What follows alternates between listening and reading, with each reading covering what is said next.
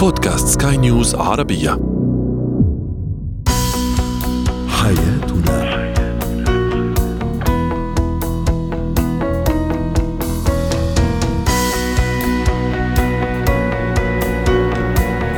مستمعينا الكرام أهلا بكم. معنا إلى حياتنا فضاؤكم اليومي الذي يعنى بشؤون الأسرة وباقي الشؤون الحياتية الأخرى والذي يمكنكم الاستماع اليه عبر منصة سكاي نيوز dot com slash podcast وباقي منصات سكاي نيوز العربية الأخرى معي أنا آمال الشاب نتحدث اليوم عن التعامل النفسي مع الشريك الذي يداهمه مرض الألزهايمر. كيف أتعامل معه؟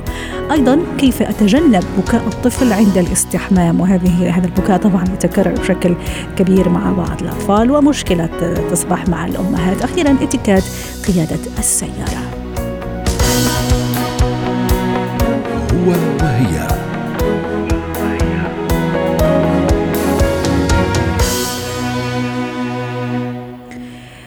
كما قلنا مرض الألزهايمر أكيد سيسبب صدمة كبيرة.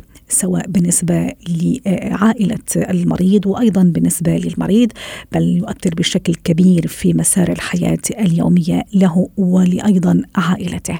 كيف أتعامل مع الشريك عندما يصاب بالألزهايمر؟ للحديث عن هذا الموضوع ينضم إلينا من المنامة الأستاذ سلمان المشعل المتخصص في العلاقات الأسرية. يسعد أوقاتك أستاذ سلمان. أكيد بعد رحلة طويلة من الحياة الزوجية ومن هذه الرحلة اللي فيها كثير من الإيجابيات والسلبيات والمطبات واللحظات الجميلة والحزينة فجأة يصاب الشريك بالألزهايمر وهنا تنقلب حياة الأسرة رأسا على عقب كشريك كزوج أو زوجة إذا ما أصيب الشريك الآخر بالألزهايمر ما هي أولى الخطوات حتى أولا أمتص الصدمة ثم أتعامل مع هذا الشريك بوضعه الجديد أهلا وسهلا مساء الخيرات أستاذ أمال. وشكرا لاستضافتكم الكريمة. آه، صراحة مثل ما ذكرتي مهم جدا إن إحنا نتعرف على ال- الأساليب السليمه للتعامل مع هذه المرحلة آه، الصعبة من حياة الإنسان، سواء كان زوج أو زوجة أو أب أو أم أو حتى جد أو جدة، صحيح. في الأسر محتاجين إن إحنا نحتوي هذه الحالات الموجودة آه، ونتعامل معها. وأنا صراحة أول شيء دائما أفكر فيه في هالموضوع ويتبادر إلى ذهني سؤال. مهم. السؤال يقول هل مريض الزهايمر لا الزهايمر لا مشاعر ولا لا. فبعد البحث والتعمق في الموضوع لقيت إن الجواب نعم بلا شك بل حتى في دراسة أمريكية أجرتها جامعة إيوا تقول إن الأشخاص المصابين بمرض الزهايمر يمكنهم تذكر المشاعر المصاحبة لحدوث فترة أطول. فأول شيء أول شيء نتذكر أن نراعي مشاعرهم جميل بعدم جرحه بالكلمات القاسية أو اللوم المستمر أو العتاب على النسيان أو غيره لأن مشاعره موجودة. حزن خوف إحساس. بالارتباك وحتى عدم فرح. سامحني أستاذ سلمان حتى عدم إحراجهم أيضا. أنت تعرف حضرتك في بدايه. المرض آه، ممكن نسيان أشياء بسيطة آه، ممكن ينسى مفاتيح سيارته أو سيارتها موعد الصلاة آه، إذا أكل أو ما أكل. ممكن في البداية ها ممكن عم يتفاعل معنا فمهم جدا أنا أتصور ويريد تشاركنا الرأي أستاذ سلمان إنه ما نحرجه إنه إذا سألني أكثر من مرة أو مرتين أو ثلاثة عادي إني أجاوبه كأنه سألني لأول مرة. إيش رأيك؟ بالضبط الله يسلمك ولازم نتذكر ونحط في بالنا جيدا أن السبب هو المرض نفسه وليس الشخص يعني. آه، هو لو كان بيد الموضوع فهو ليس متعمد انه يقوم بهالامور أو. مثلا ينسى أو آه، يتجاهل مثل الأشياء اللي أنت يمكن تلومه عليها أو تعاتبه أو تحاسبه. صحيح السبب هو المرض نفسه فأنت يعني دائما تتمنى أن الله يعافيك منه وان تراعي هالشخص وحط نفسك في مكانه. لو أنت لا سمح الله صابك مثل هالحالة والمرض هو اللي يتحكم فيك وأنت ما تحكمت في شخصيتك في يعني في في نفسك أو في مشاعرك أو في ذاكرتك. جميل وأيضا أتصور إنه أنا كأهل يعني سواء زوجة أو زوج أو أولاد إنه مهم إني أنا أول شيء آه، أكون مطلعة على هذا المرض ما هي التغيرات اللي قد تطرأ على شريكي أو على الأب أو على الأم أو هذا الفرد من أفراد العائلة اللي مرض حتى أكون أنا يعني مواكبة لأي تطورات لأنه أحيانا ياخذ هو يكون في مراحل يعني تاخذ وقت أقصد المرض. أحيانا لا يكون سريع يعني مباشرة ينتقل من مرحلة لاخرى في دراسات أيضا أستاذ سلمان توصي مثلا أنه ناخذ هذا المريض في رحلات مثلا في البار في أشياء كان يحبها هو. ممكن يتذكر هذه اللحظات الجميلة. هذا ممكن راح تصنع عنه لحظات من من البهجة والسرور ولو ولو للحظات. صحيح جدا جدا. مثل ما تفضلت في البداية من من أهم الأساسيات التعامل.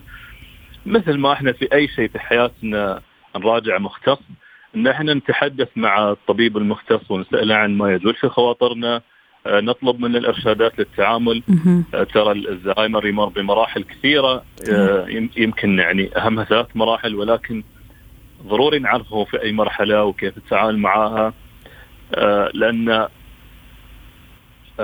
الوعي بهذا الشيء راح يفرق جدا جدا صحيح. في في تعاملنا. صحيح. وخاصة إنه بعض يعني المرضى بالزهايمر ممكن يدخل سريعا في مرحلة الاكتئاب بكاء شديد غير معروف. أنا ممكن أدخل على على الشريك أو على الحمات أو الحمو ممكن ألاقيه ابكي يبكي عفوا من من غير سبب فهذا أيضا من الأسباب أو من الأشياء التي يجب أن أكون منتبه لها حتى أعرف. كيف كيف أتعامل آه، معها أستاذ سلمان؟ آه، بالضبط الله يسلمك. أول شيء أول شيء إن إحنا نراعي ان في تحديات. والتحدي الأول ويمكن الاكبر كونه نكون في أسرة واحدة إن مهارات التواصل يكون فيها تغير كبير. تختلف. آه تختلف عند مريض الزهايمر. فهم يواجهون صعوبة في التواصل العادي. نظرا لصعوبة تذكرهم الأشياء فأحيانا يعانون من نسيان الكلمات اللي يودون آه إنهم يقولونها. فنكون إحنا متفاهمين هالوضع ونراعيه ونقدره علشان ما نحرجهم. صحيح. والصعوبة الأكبر أن نتصور أيضا لما شريكي يعني ينسى اسمي أو ينساني أنا كشريكة عمره قضيت معه سنوات وسنوات. ممكن هون الشريك إذا ما كان متحضر ومتجهز وقوي كفاية يعني من الداخل ممكن قد ينهار. وفي النهاية لما ينهار يعني الشخص اللي يكون مع المريض أكيد يعني المريض حرام يعني ما راح نقدر نقدم له المساعدة. وأهم شيء أيضا أستاذ سلمان بعد ما يتطور المرض أكيد يعني ما راح نخليه يقرب للأشياء الخطيرة ممكن النار المطبخ ممكن البلكونة هالأشياء اللي ممكن يعني ما حيعرف كيف يتصرف أمامها صحيح ولذلك يعني دائما الرجوع إلى المختص والتعاون مع الطبيب يرشدنا في هذه المرحلة هو راح يساعدنا جميل. أن إحنا نحدد متى نسوي هالشيء متى ما نسوي ولكن مم. على آه على آه في موضوع التواصل مم. ضروري إن إحنا آه نزيد من التواصل البصري نزيد من تركيزنا على البادي لانجوج على لغة الجسد نبرة الصوت. آه يمكن يمكن هذه الأمور تعطيها تعطي رسالة أسرع من الكلام وتكرار الكلام بشكل آه، جميل جميل. متكرر يمكن هو أستاذ سلمان في أقل من عشر ثواني ما هي نصيحتنا للناس اللي ممكن عم تسمعنا وعندها فعلا حدا في الأسرة عنده هذا المرض ألزهايمر. باختصار في أقل من عشر ثواني. آه، أقول راعوا مشاعرهم. آه، وحطوا أنفسكم في في أماكنهم وتذكروا أن هذا اللي قاعد يصير وتذكر أن هذا اللي قاعد يصير هو سببه من المرض وليس من الشخص نفسه جميل. راعوا مشاعر شكرا لك أستاذ سلمان المشاعر المختص في العلاقات الأسرية. كنت معنا من المنام اسعدتني اليوم بهذه المشاركة. زينة الحياة.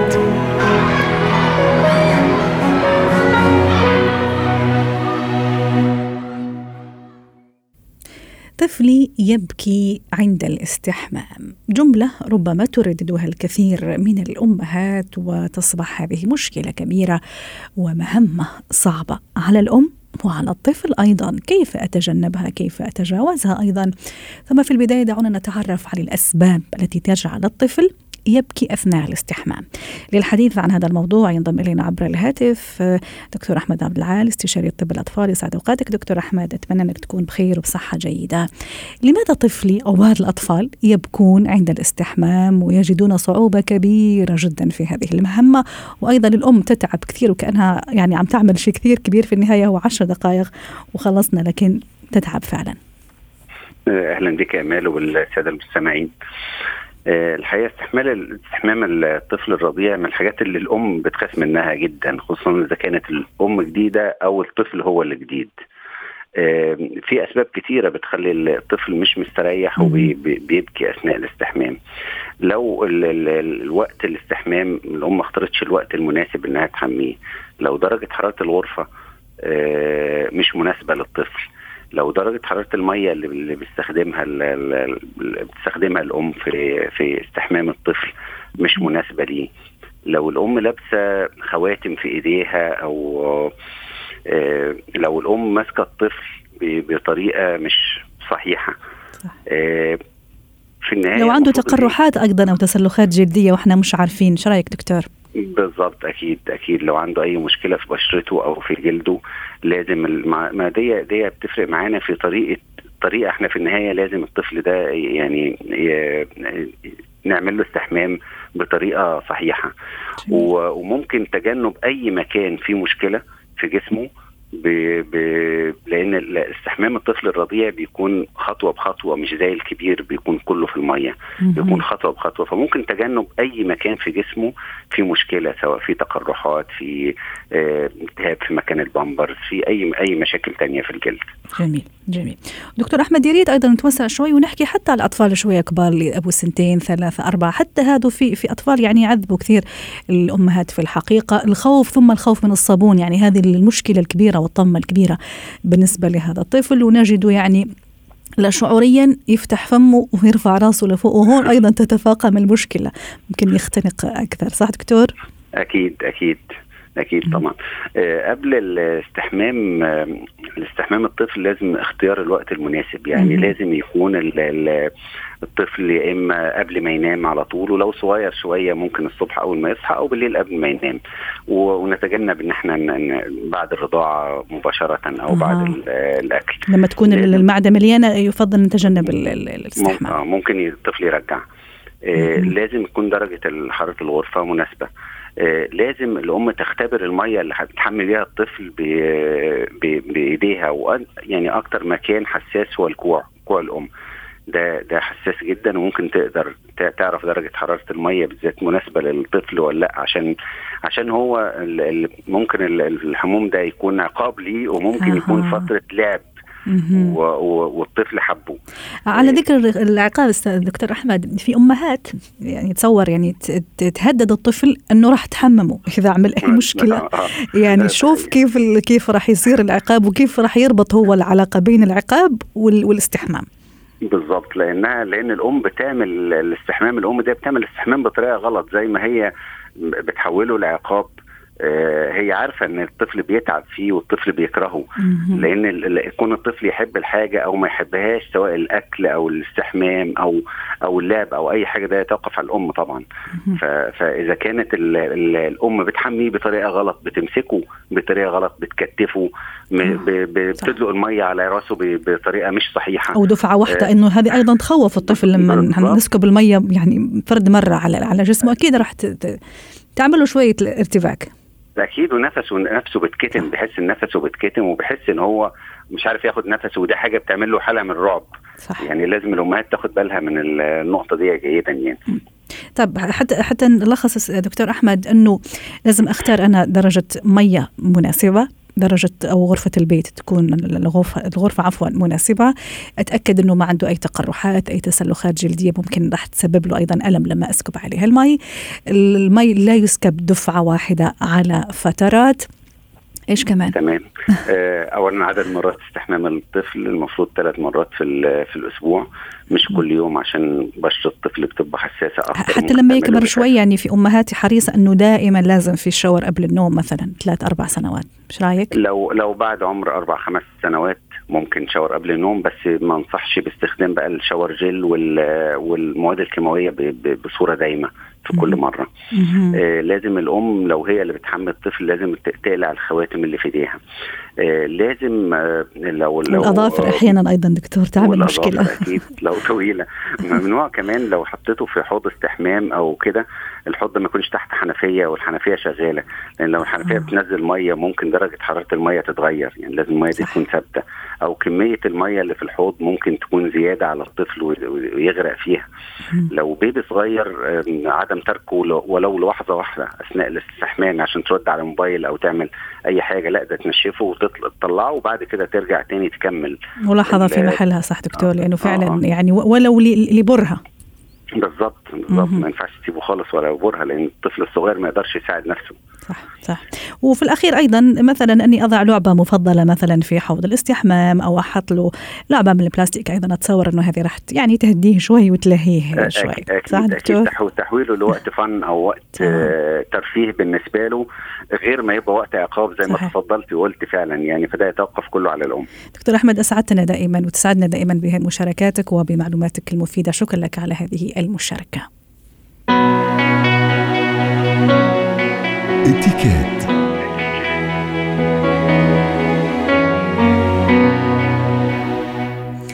اليوم في اتيكيت سنتحدث عن اتيكيت قيادة السيارة للحديث عن هذا الموضوع. تنضم إلينا عبر الهاتف من بيروت مارلين سلهب خبير الاتيكيت. يسعد أوقاتك أستاذة مارلين. أكيد دائما حنقول كمقدمة دائما معك مع حضرتك والمتخصصين في الاتيكيت. كل شيء في هذا الحياة عنده قواعد وأصول بما في ذلك. الأشياء اللي ممكن ما تخطر على بالنا قيادة السيارة. أحيانا واحد يقول لك طيب يعني شو قيادة السيارة؟ عادي أنا أركب سيارتي وأسوقها وعادي لكن في النهاية لا أكيد عندها يعني أصول آه، قيادة السيارة. خلينا نبتدي من البداية. أنا نازلة من ال parking من, من بيتي ورايحة أركب سيارتي.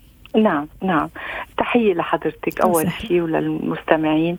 ما في شك إنه كثير بتبين أخلاقنا بكل شيء بالحياة وخصوصا بالسيارات يعني بقيادة السيارة.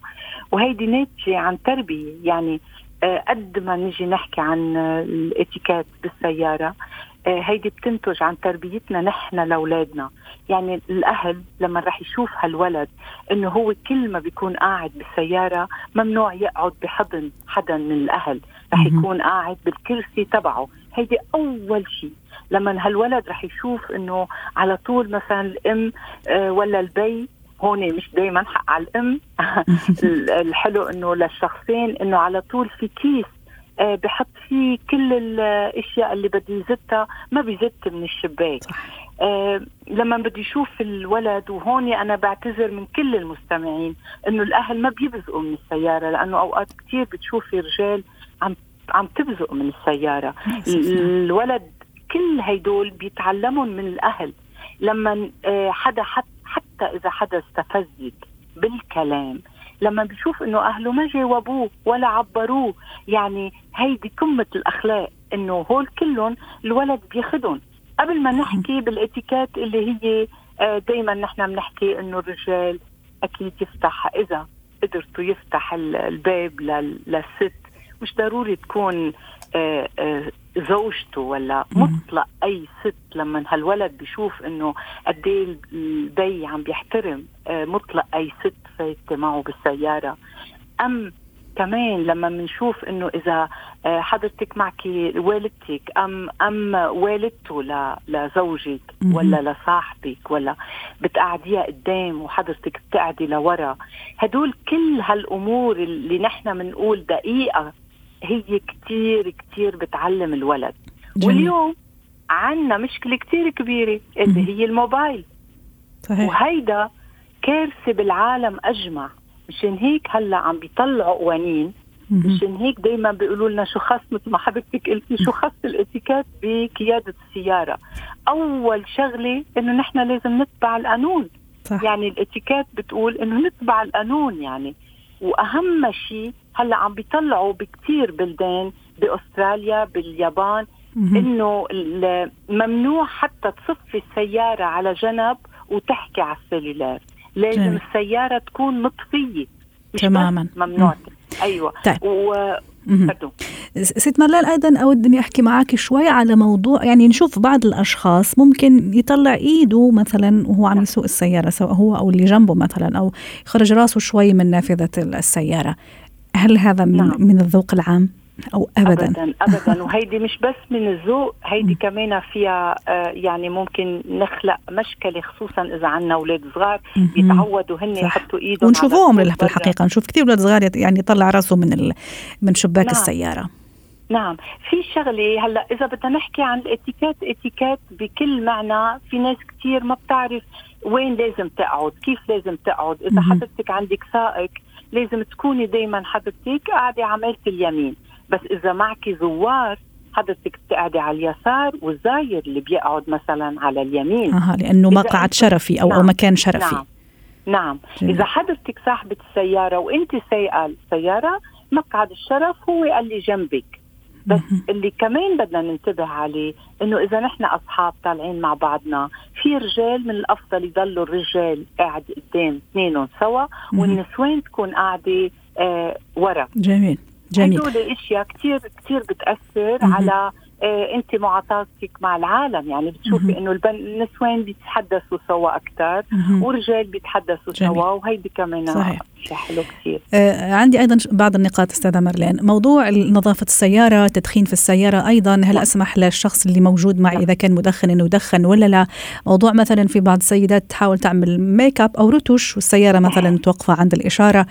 سريعا أعطينا شوية هيك نقاط نعم. أول شيء الاداب بيقول ابدا ابدا مش مسموح إني أنا أعمل مكياج بالسيارة ولا آكل بالسيارة ولا حتى دخن بالسيارة. هيدي كاتيكيت بس اليوم عم بيطلعوا قوانين إنه رح يصير في ضبط على هالشيء وين ما كان بالعالم. لأنه كثير تبين إنه عم بتلهي الناس. ونحن حكينا بسرعة عن الموبايل. بدي أقول لك إنه الأبحاث بتقول إنه الموبايل لما حضرتك تستخدميه يعني بلهيكي أكثر من المشروب بثلاث مرات. شوفي قديش خطير. صحيح ثلاث طبعا. مرات أكثر بقى مشان هيك نحن ممنوع ندخن أكيد ممنوع ناكل ممنوع نلتهي. قد إيه فينا هدول كله لسلامتنا. صح. يعني غير إنه بس للإتيكيت بس هيدا لسلامتنا. جميل. بعدين عدم استعمال الزمور. آه. هيدا الزمور يعني إلا ما يكون حينا نطلع فيه خلقنا ونفش فيه خلقنا وعصبيتنا فيه. نعم نعم نعم للأسف يعني قد نعم. فينا يكون عندنا نتفة أخلاق جميل ورجاء هيدي بتيجي من الأهل وبتعلموا طيب. الأولاد ست مارلين أيضا في ملاحظة مثلا أنا طلعت السيارة طلعت سيارة مثلا مع صديقتي هي اللي بتسوق وكان التكييف عندها كثير عالي مثلا برد كثير أو music نعم. عالية كثير أو الشباك نعم. مثلا مسكر كيف أتصرف هل أطلب إذن مثلا نعم. أنه يا ريت توطي شوية التكييف أو ال music أو هل في مثلا نعم. أسكر شباك السيارة أعطيني أيضا كيف أتصرف؟ أول شغلة اللي حضرتك أنت سايقه سيارة لازم تسألي اللي طالع معك إذا مثلا ال air conditionné كثير قوي عليه تكيف. بتفضل إنه نخففه أم بتعرفي حضرتك إنه هلأ صار بيقدروا يوقفوا على ميل ويترك على ميل ثاني بعدين الشباك حتى لو حضرتك قاعدة وبدك تفتح الشباك بدك تستأذني إذا أنت موجودة بالسيارة وإذا أنت تحت السيارة أوقات بلا انتباه أصحاب اللي بيبقوا هن السيارة. سايقين بيفتحوا الشباك مالتك أنت من دون ما يسألوك إذا أنت حضرتك حابة إنك تفتح الشباك إيه ولا لا. جميل. لا بدنا ناخذ ونعطي. وإذا نحن تضايقنا من مزيك معينة من اير كونديسيوني بكل لطافه ما في ما في ألذ من الانسان يكون لطيف. إنه إذا بتعمل معروف نوطي. بس بدي أقول شغلة لما بنكون رايحين محلات بعيدة آه هو اللي عم بيسوق هو اللي بيبقى بيقرر بالمزيك اللي بده يحطها. مش نحن بنيجي بنفرض عليه آه، مزيك معين طيب. نعطيه شوية كريدت طيب شكرا لك. وآخر نقطة أيضا أنا كسيدة إذا حتى قبعة لازم أشيلها وأنا طالعة على السيارة صح ولا لا؟ شكرا لك أستاذة مارلين سلهب خبيرة الاتيكا ضيفتنا من بيروت. إلى اللقاء. شكرا. حياتنا.